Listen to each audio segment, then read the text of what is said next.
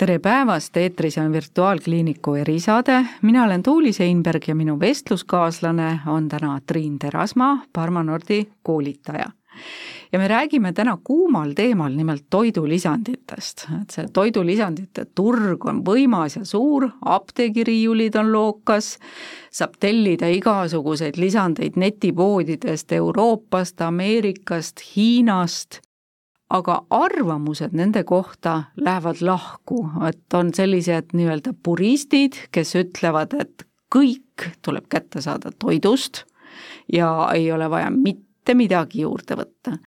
siis on neid, kes ütlevad, et jaa, et kui on tuvastatud mingisuguse aine vaegus, siis tuleks ikka juurde võtta ja siis on neid, kes ostavad endale kümnete purkide kaupa igasuguseid asju kokku lihtsalt igaks juhuks, et äkki teeb midagi paremaks. aga kuidas see üldine selline tervislik mõtlemine siis toidulisandite suhtes võiks olla, et miks neid võtta ja millal neid võtta? tere, et äh, jah, see on nagu minu jaoks hästi põnev teema ja Pharma Nordis olen ma siis nüüd äh, jõudnud lõpuks oma tervise teekonnal siis sellise toidulisandite teaduspõhisuse juurde, et selle, selline päris maailma tippteadus. ja ega see segadus äh, noh, tulebki inimestel sellest, et et noh, mina siin olen ju olnud selle sees nüüd üle kümne aasta ja mõtisklenud selle toitumise ja, ja, ja nende lisandite ja ja kogu selle asja üle terviklikuna ja uurinud nüüd seda, seda teaduspõhisust ja neid äh, erinevaid ähm, teadusuuringuid on ju kaks ja pool aastat seal Pharmanordis ja ja, ja noh, tegelikult kõige baas, millest kõigepealt tuleb alustada, kui me vaatame, et noh, siin mingid toidulisandid ja mingi toitumine, tuleb vaadata seda tervist sellise holistilise tervikuna. meil peab kõigepealt olema toitumise baas ehk selline vundament laotud, et me anname kehale toitu me anname funktsionaalset toitu selles mõttes, et igal ampsul, mis me suhu paneme, nendel ainetel on kehas funktsioon, ehk keha saab kasutada siis materjali, mida me anname, maksimaalseks tervise toetamiseks, maksimaalselt meie, et seda bioloogilist eksistentsi toetada, nii, me ehitame sellise baasi. aga kui me nüüd läheme teaduse juurde, siis on teada tänaseks, et ükskõik kui tervislikult me nüüd ei söö, on ju, anname kehale kõiki neid nagu vajalikke toitaineid, siis mingisugustest asjadest jääb puudu. ja, ja see toidulisandi idee ongi see, et siis tasakaalustada seda keemilist nii-öelda mm, keemilist sellist olukorda organismis, on ju. et anname toitu, midagi jääb puudu, anname toidulisanditega veel juurde, me saame tasakaalu ja kehal ongi võimalus maksimaalselt meid tervendada nagu just selle toidu vaatenurgast. et, et see, see on see põhialus, võib-olla selline filosoofiline lähenemine, mida kõik need toitumisnõustajad, terapeudid võiksid siis oma sellises nõustamise plaanis, on ju, vaadata. nii, ja siis nüüd ongi küsimus, mis asjad siis need puudu jäävad? et ega muidu niisama ei ole mõtet midagi võtta me võtame selleks, et keemilist tasakaalu taastada. ja need on need, millest mina räägin, need toidulisandid, need on need vitamiinid ja mineraalained ja rasvad, vesi, need, mida me nagu toidust saame. et me täna ei räägi sellistest taimsetest lisanditest ja ütleme, probiootikumidest, kummelist, sellistest, mida Hiina meditsiin pakub, seentest ja nii edasi. me räägime vitamiinid, mineraalained, on ju, et tasakaalustada keha keemilist süsteemi ja siis me vaatamegi, mida on teadlased meile siis toonud niimoodi välja täna. et ähm, eks siin viimase niisuguse kolmekümne, viiekümne aastaga on sellised tõesti suured murrangulised muutused tulnud selles toitumisteaduses ka. ja noh, kõik teavad D-vitamiini, on ju. teavad, see on nii ära igal pool nii-öelda leierdatud, on ju, et meie siin geograafilises ähm, piirkonnas, siis seda D-vitamiini meie nahk ei tooda piisavalt. ja noh, seda me kõik võtame juurde, seda soovitavad juba kõik arstid ka peaaegu. mõõdame verest ja võtame juurde, see ongi see nii-öelda üks auk, mis jääb meie toidu vundamenti, ükskõik kui tervislikult me ei toitu. ja siis sinna juurde tuleb veel ma kiiresti võib-olla nimetan alguses, seleen, milles, millest on siis nii-öelda Eesti kui Euroopa pinnases puudus, seda isegi Eesti riik toitumissoovitustes mainib ära, et meil ei ole toidus piisavalt seleeni, oomega kolm rasvhapped, inimesed ei söö piisavalt rasvast kala, siis koensüüm Q10, mida keha mm, hakkab aina vähem tootma alates kahekümnendatest eluaastatest, et need on need, kuhu poole vaadata, need on sellised põhilised, mida meil tõesti jääb puudu ja mille täiendamisega me saame toetada tervist. Et sa mainisid siin äh, D-vitamiini, siis seleeni, rasvhappeid, oomega kolm, Q10-t, mida need neli siis konkreetselt head inimese organismis teevad, miks neid üldse vaja on? ma korraks äh, lisan seda ka, et kui me võtame nüüd ükskõik millise vitamiini ja mineraalaine, uurime teda, siis tuleb sinna tuhat võimsat, vägevat äh, sellist ülesannet, mida ta organismis teeb. ja siit võib-olla ka, sellest on väike segadus turul, et et noh, iga müüja, eks ole, räägib, toobki need tuhat asja juurde erinevale lisandile ja inimesel tekib mulje, et oh, kui ma seda võtan, siis ma elan igavesti. aga tegelikult nojah, me peame vaatama, kui sa toidust juba nagunii saad näiteks kaltsiumit, siis seda enam juurde võtta ei tohi, sest siis võib tulla liig kehas ja kui me võtame mingit asja juurde ja meil tekib kehas liig, me võime sellega kehas pahandust teha. ja siit ka tuleb tegelikult see, kui, kui mõnikord arstid kirjutavad, äh, on ju, ajakirjades ja ajalehtedes toidulisandite vastu et siit tuleb nagu see, nende poolt see mure on tegelikult õigustatud. aga nüüd need neli, millest me rääkisime, mis on sellised äh, üldised puudujäägid ja mida soovitatakse kõikides vanusegruppides inimestel, noh, olenevalt natukene võib-olla tervislikust seisundist juurde võtta. et D-vitamiin on hästi oluline meie luustikule. siin peab nägema võib-olla seda asja ka, et kui, kui meil D-vitamiini defitsiit on, ütleme, esimesed nelikümmend eluaastat, meil on ta noh, all seal noh, kolmkümmend või nelikümmend või viiskümmend see verenäitaja, ega me kohe ära ei sure. aga kui me vaatame nüüd statistikat, siis ütleme, viiskümmend pluss igal teisel naisel on äh, liigeste probleemid, kas põletikulised liigesehaigused või midagi muud seal liigestega ja siin on sellised seosed, mida teadlased toovad välja, et kui meil on ikkagi nelikümmend aastat D-vitamiini defitsiit ja D-vitamiin on väga oluline luukoe moodustumise juures, siis see on üks niidikene, äh, mis võib põhjustada neid, neid luustikuhaigusi, seal on väga palju ka muid muidugi selliseid äh, koostoimetajaid aga need on need, kui meil on kogu aeg defitsiit, siis sellega me sillutame teed erinevatele haigustele, et D-vitamiin, muidugi on ka, tuuakse välja see päikesevitamiin, on ju, depressioon, ärevused, mida ta toetab ähm, ja, ja sellised omadused, ütleme, seleen, millest on siis Eesti-Euroopa pinnases puudus. meie teadlased üle kolmekümne aasta uurinud seda, seleenil on teatud ka sellised suuremad võib-olla niidikesed või kohakesed, mida ta toetab organismis, et kellel on näiteks äh, kilpnäärme probleemid, ükskõik, kas on üle- või alatalitlus või autoimmuunne. et kuna kilpnäärmes on hästi palju seleeni ja kilpnäärme hormoone toodetakse ka seleeni abil, et seleen on seal tähtis tegelane, siis ähm, on äh, palju tagasisidet ja ka teadusuuringud näitavad seda, et seleeni puhul võib tõesti saada suurt toetust äh, kilpnäärme probleemidele. samuti on seleen ka liigese probleemide juures toetaja, sest et seleen on juba liigese kõhre eellasrakkude moodustumise juures tähtis tegelane. et ongi kõigepealt, kui hakata seda, ütleme, inimesed võtavad siin kollageeni ja erinevaid asju, et, et tuleb ka tähele panna, et see seleeni defitsiit oleks sealt alt likvideeritud jälle kollageeni loomulikult võib ka võtta, on ju, aga seda seleeni ka sinna alla juurde. ja jällegi tervislik toitumine, et kollageeni moodustatakse seleeni ja C-vitamiini abil, et meil tuleks ka marju, neid Eesti tugevaid võimsaid marju, on ju, mustikad, jõhvikad, astelpajud, on ju, noh, mis on tõesti sellised pommid, vitamiinide, mineraalainete pommid meil ja oomega kolm rasvhapetega on selline asi, et seda on ka maailmas hästi palju uuritud, inimesed lihtsalt ei söö rasvast kala ehk lõhe, forell ja heeringas, kust me saame oomega kolm rasvhappeid. ja miks see on tähtis? kõige rohkem tuuakse esile seda sellepärast, et neil on põletikuvastane, põletikuvastane toime. kui me oleme kogu aeg oomega kolmest defitsiidis, siis võimaldab see lihtsalt kehas paremini põletikul areneda.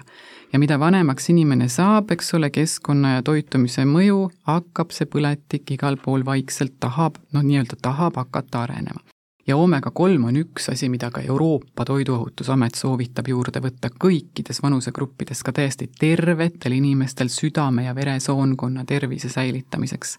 et noh, see, kui Euroopa Toiduohutusamet midagi soovitab, siis see on nagu noh, naljaga pooleks, eks see on nagu jumal taevas, sest noh, nemad soovitavad väga vähe. Ja koensüüm Q kümme, see viimane, selline põhilistest toidulisanditest, mida me võiksime kõik juurde võtta. no seda võiks muidugi juurde võtta alates seal nelikümmend, viiskümmend inimene, eks ole, eluaastast. sest et Q10, koensüüm Q10 on energia tootmise abiensüüm raku sees. kõigepealt, mida inimene tunneb, saame vanemaks, jääme veits uimasemaks, on ju, kõik seal nelikümmend saavad, eks, tahavad hakata rohkem, ärkavad järsku vaja trenni teha, eks ole, vaja nüüd vaja midagi ette võtta, sest hakkab vaikselt see see asi hakkab niimoodi uimasemaks minema. noh, kellel vähem, kellel rohkem. ja, ja noh, teine külg, miks koensüüm Q10 on maailmas väga populaarne ja kõik tahavad teda toota ja müüa, on see, et tal ikkagi tohutult vägevad äh, teadustulemused on südame-veresoonkonna tervise toetamisel nii ennetavas kui ka toetavas meditsiinis täna mul on üks küsimus veel, enne kui me läheme siin nende kvaliteediküsimuste juurde, mis on väga oluline teema.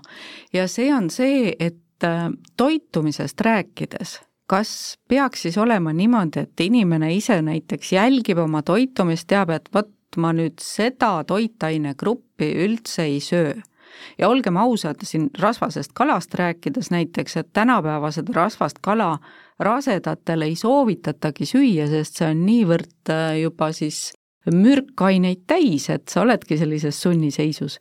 Aga nüüd äh, tavalisemast sellisest menüüst rääkides, et kui mingisugune inimene näiteks ei söö üldse brokolit, lillkapsast, kapsast, mingit Äh, muud sellist köögivilja, kas ta siis peaks nüüd vaatama, et nii, need köögiviljad sisaldavad peamiselt seda toitainet, mul seda menüüs ei ole, järelikult ma pean nüüd juurde võtma seda ja seda. või kuidas seda enda toidulauda üldse analüüsida tervislikkuse seisukohast ja siis hakata sinna lisama? mina olen ju toitumisterapeut ka, ma olen neli aastat reaalselt kliente vastu võtnud ja ja, ja vaadanud neid inimeste menüüsid ja et ega keegi omale eriti toitu ei anna kehale. see on selline paratamatus ja ja eriti tänapäeva sellises äh, kiires töömelus ja, ja meil on hästi toredasti palju pakkumist igasugusele töödeldud toidule, kiiresti saab võtta jälle see värviline pakk ja see pakk ja ja kõik ka söögikohtades pakutavad toidud ju tegelikult on äh, väga odavast materjalist no rapsiõliga ja nii edasi ja sedasama, see kala, mis on tegelikult äh, seal noh, võib olla erinevaid siis äh, aineid, mis kehale ei sobi. et noh, analüüsida võiks igaüks ise tegelikult, et nutridata.ee on selline programm Tervise Arengu Instituudi poolt loodud, mis on päris hea, et paned oma menüü sinna sisse, ta annab küll hästi üldise, aga ta annab ikkagi need ilusti need protsendid kätte, et noh, et palju ma neid süsivesikuid saan ja ja rasvu ja valke. teisest küljest saab ka uurida Google'ist kohe, et palju seal brokolis mingeid aineid on ja nii edasi, aga kõige parem on see Nutridata. Paned sisse, vaatad, kas sa saad enam-vähem kätte, see on, see on päris hea, saab sellise mõnusa nagu ülevaate. Ja, ja paned seal niimoodi, ütleme noh, aeg-ajalt on ju, kolme kuu jooksul teed omale neid päevi seal. Ja juba sul hakkab kujunema selline hea arusaam, et sa ei pea minema kohe nõustaja või, või terapeudi juurde. Et hakka tunnetama, õpi ise oma keha tundma, et see on tegelikult, seda saab tasuta teha, kellel huvi on.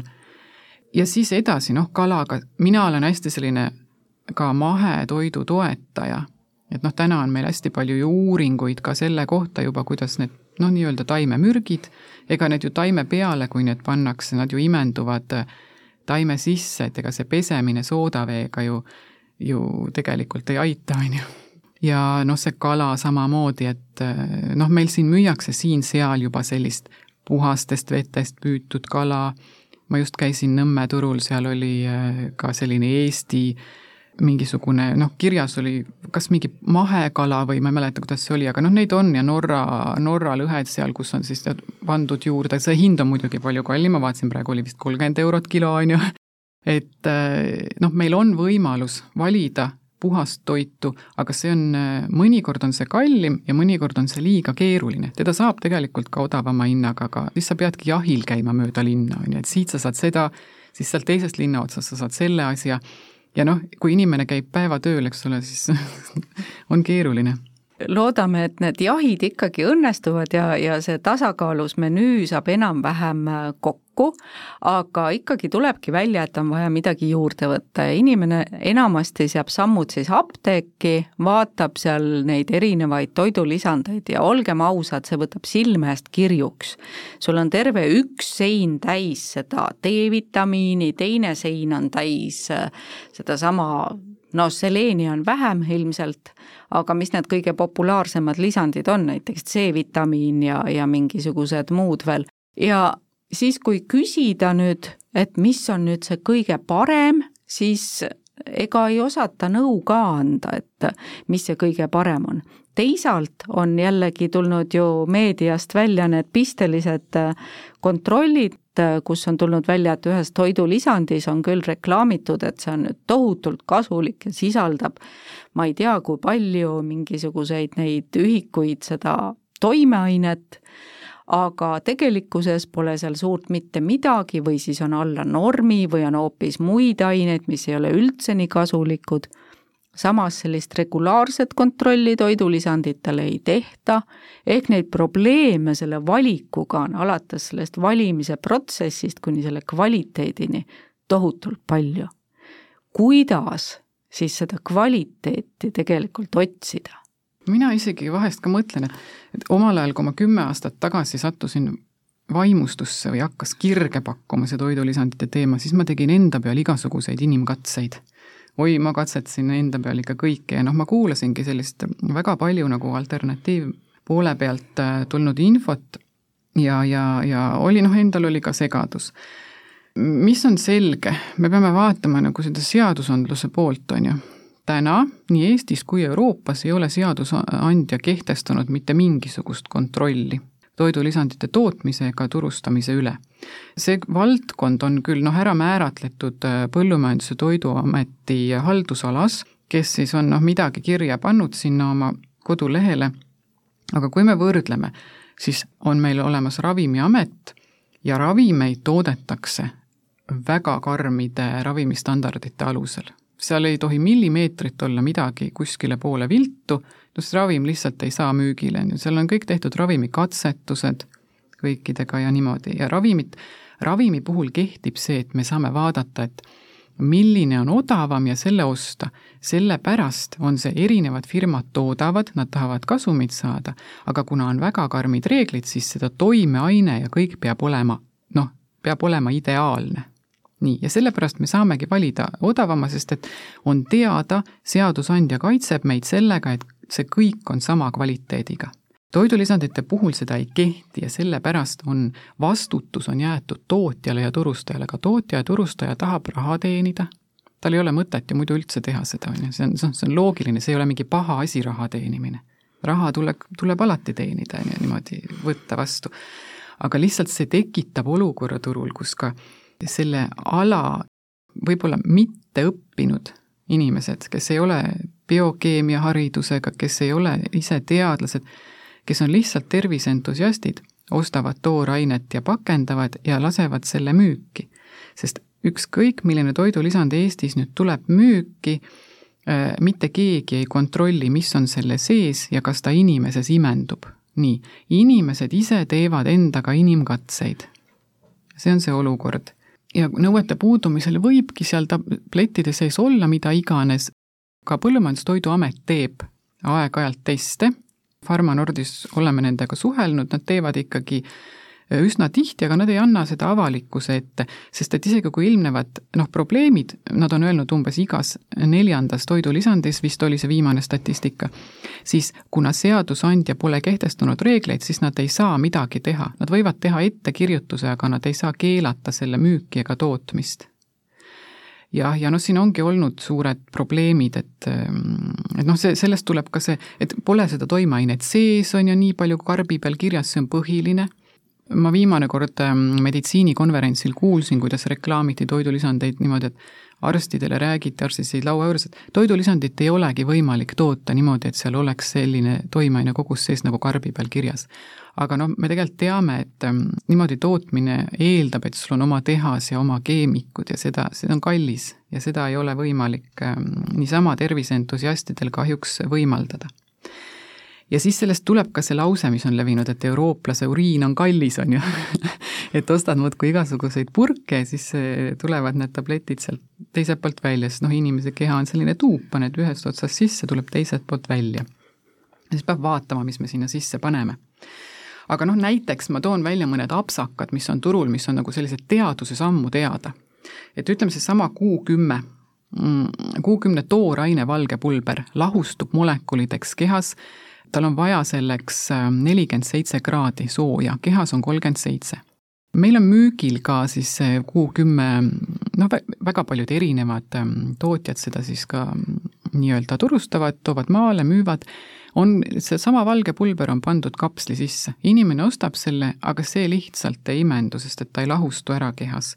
Ja see on teaduses tegelikult maailma tippteaduses toidulisandite vallas on see üle kolmekümne aasta teada ja noh, see on nõudnud väga palju tööd äh, keemikutelt ja, ja Pharmanord on tänaseks või noh, ta on tegelikult kolmkümmend aastat tagasi juba juba siis nii-öelda toodeti sellist kuukümmet, mis inimeses imendub. et teda on pärast väga palju kontrollitud, et kas ta inimeses imendub, ta on noh, tal on üle saja kolmekümne teadusajakirjanduses avaldatud uuringu ja, ja teda täna kasutatakse mm, meditsiinis ka, ta on Ungaris ja Taanis, on see Pharmanordi Q10 on ju retseptiravim, mis annab selle kvaliteedi, et, et ta noh, tõestab, et ta tõesti inimeses imendub ja sellest võib tervisekasu saada.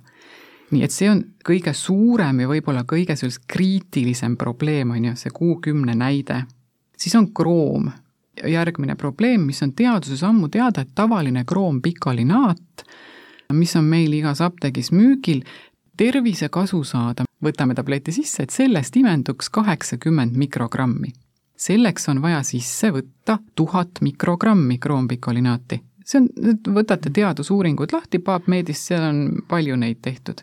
et see on ammu teada teaduses.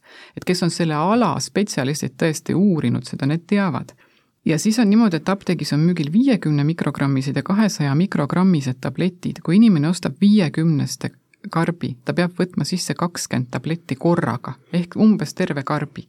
aga seda ei tea inimene, apteekrid, mõned juba teavad, noh, aga apteeker on ka inimene, kes oleneb, mis tema kirg on, on ju. võib-olla tema kirg on rohkem just, just meditsiinilised, on ju, ravimid siis ta ei viitsi uurida neid toidulisandite asju, on ju, täpselt, et mina olen siin sattunud siin toidulisandite kirega, mina uurin seda, on ju. ja, ja uurin põhjalikult ja apteekreid ka nii erinevaid, et mida inimest huvitab, sellega ta tegeleb. Ja tihti nad sellepärast ei tea, on ju, sest Pharmanord täna koolitab päris nagu korralikult apteekreid ja ja, ja selle kroomiga on ja nii, ja siis on Euroopa Toiduohutusamet dokumendiga välja toonud, et see Pharmanordi kroom siis on kümme korda paremini imenduv ja, ja me oleme saanud palju juba siit Eestist isegi tagasisidet, et see kroom tõesti toimib. milleks üldse kroomi tõsta esile, et kroom on selline spetsiifiline toidulisand. ma jaotan ise sellised, mis on nagu baastoidulisandid, mida kõik võtavad, ja siis on spetsiifilised, mida teatud olukordades, terviseolukordades võtta. kroom on selline, diabeetikud, väga suure kehakaaluga inimesed ja ja, ja suhkruisuga, suure suhkruisuga, magusaisuga inimesed, nendel võib olla kolmekümnel protsendil kroomipuudus ja kroom aitab viia insuliinil glükoosi verest rakkudesse. ja kui seal on kroomipuudus sees, siis on kohe see, see insuliini metabolism, seal võib probleeme tekkida kehas, nii, ja nemad võivad sellest abi saada ja siinkohal need inimesed võivad katsetada kroomiga. miks ma ütlen katsetada? me katsetamegi nii-öelda, see on noh, minu selline sõna, et mitte seda valesti tõlgendada, et me proovime siis inimesega, näiteks ta tuleb toitumisteraapiasse, paneme selle kroomi peale, kolm kuud inimene katsetab ja, ja vaatame, kas see toetab teda.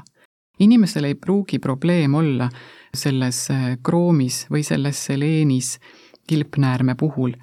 et, äh, et selles mõttes ongi vaja katsetada oma keha tundma õppida.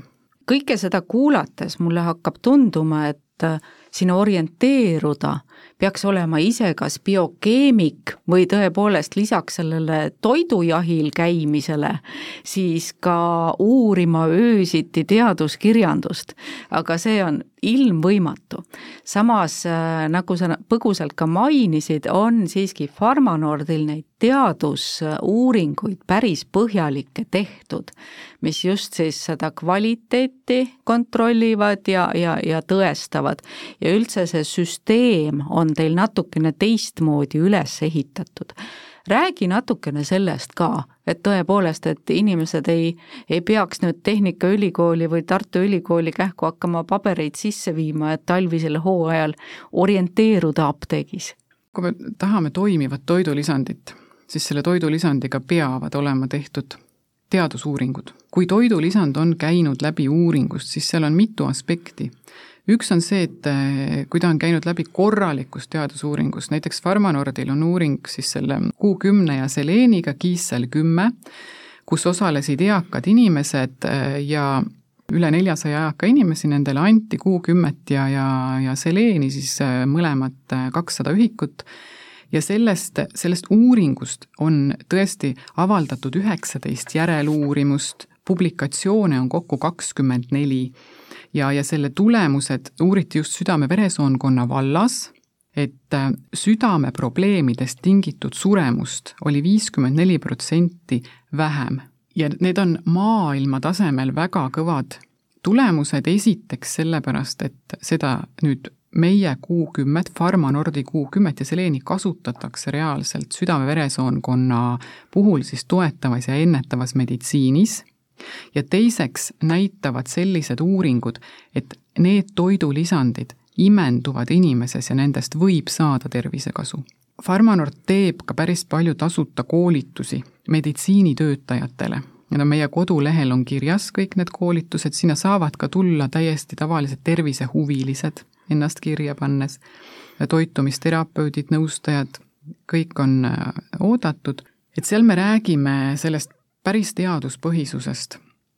ja noh, näiteks teine uuring, Kuusümbio, mis jälle tõestas et, et viiskümmend protsenti vähenes südamesurmade arv, see on üks selline kõige põhilisem tulemus sellest, ja peale seda uuringut teadlased üldse otsustasid maailma tasemel, et Q10 uuringutes enam platseebot kasutada ei ole eetiline, sest selle mõju on niivõrd tõestatud. aga siin on nii, et inimene peab võtma imenduvat Q10 mis inimeses imendub, siin tuleb see kvaliteedi teema vahele. ja Pharmanordi Q10 on täna Ungaris ja Taanis retseptiravim südamepuudulikkuse korral.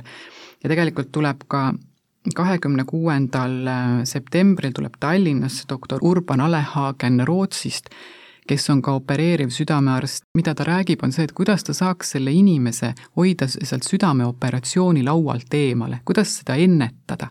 ja see on just see, miks me võtame ühest küljest seda toitu ja toidulisandit, et et me ennetame terviseprobleeme, see on ennetav meditsiin ja sellepärast on see väga tähtis. ja, ja Pharmanord on hästi kaua olnud selles äh, vallas sees, kõik meie toidulisandid on äh, väga korralikult kontrollitud toodetud ravimistandardite järgi, ehk karbi peal kirjas olev kogus on ka seal tableti või kapsli sees olemas ja need kõik imenduvad inimeses. et inimene ei pea enam hakkama ise uurima, ta ei pea hakkama enda peal tegema inimkatseid, et me võime kohe hakata katsetama nagu seda tervise toetamist ehk siis lisaks nendele suurtele teadusuuringutele, mis on tehtud siis selle Q10-ga, on ka siis kõik need partiid, mis tulevad teil välja tehasest, olgu see siis äh, seleen, oomegarasvhape või mis iganes toidulisand, kõik need partiid on kontrollitud ja see toimeaine sisaldus on tagatud, ehk siis see on selline nii-öelda kindel kaup jaa, selles mõttes Taanis on suur tehas, igat toidulisandit toodetakse ka era, eraldi liinil, kuhu ei satu kunagi midagi muud, ehk igasugused ristsaastumised on välistatud, kõik on kontrollitud, iga partii, kuigi see tooraine tuleb kogu aeg samast kohast, on ta alati kontrollitud ennem iga eraldi partii ja on ta kontrollitud pärast. ja tihti on see, mis võib toidulisandite puhul juhtuda, et võetakse tooraine, mis on korralik, kõik kontrollitud, pannakse sinna masinasse, mis vormib nii-öelda kas selle tableti kujuks või noh, natukene seal midagi on, mingit, mõnikord mingit kuumutamist, või pannakse teised toimeained kokku, mis on multid ja tihti juhtub nii, et nad enam ei, ei toimi niimoodi seal koos olemises pärast, et ka pärast on iga partii kontrollitud. ja siin on ka tulnud teaduses palju probleeme välja, näiteks K2 puhul ja mis peale töötlemist enam ei ole K2 ja Pharmanordil on ta täna niimoodi välja siis lõpuks äh, nii-öelda mõeldud meie keemikute poolt, et ka pärast töötlemist on K2 imelduval kujul tabletis olemas. et kõik sellised erinevad äh, probleemid on välistatud, et inimene saab täiesti kindla kauba, kust võib saada tervisekasu lõpetuseks ma küsin veel seda, et need kolm olulisemat toidulisandit, millest siis meil siin puudus võib-olla, siis D3, äh, äh, seleen ja Q10 vanematel inimestel, millal neid võtta ja millega koos, see küsimus tekib alati inimestel. et see kasu oleks nüüd kõige parem. üldiselt on niimoodi et äh, kui inimene väga palju mõelda ei viitsi, noh, tal on mõnikord mingeid muid asju ka võtta, siis kõik koos hommikuti. nii, nüüd koos söögiga, kõik koos hommikul ja koos söögiga, kas siis söömise ajal või kohe peale sööki, nii.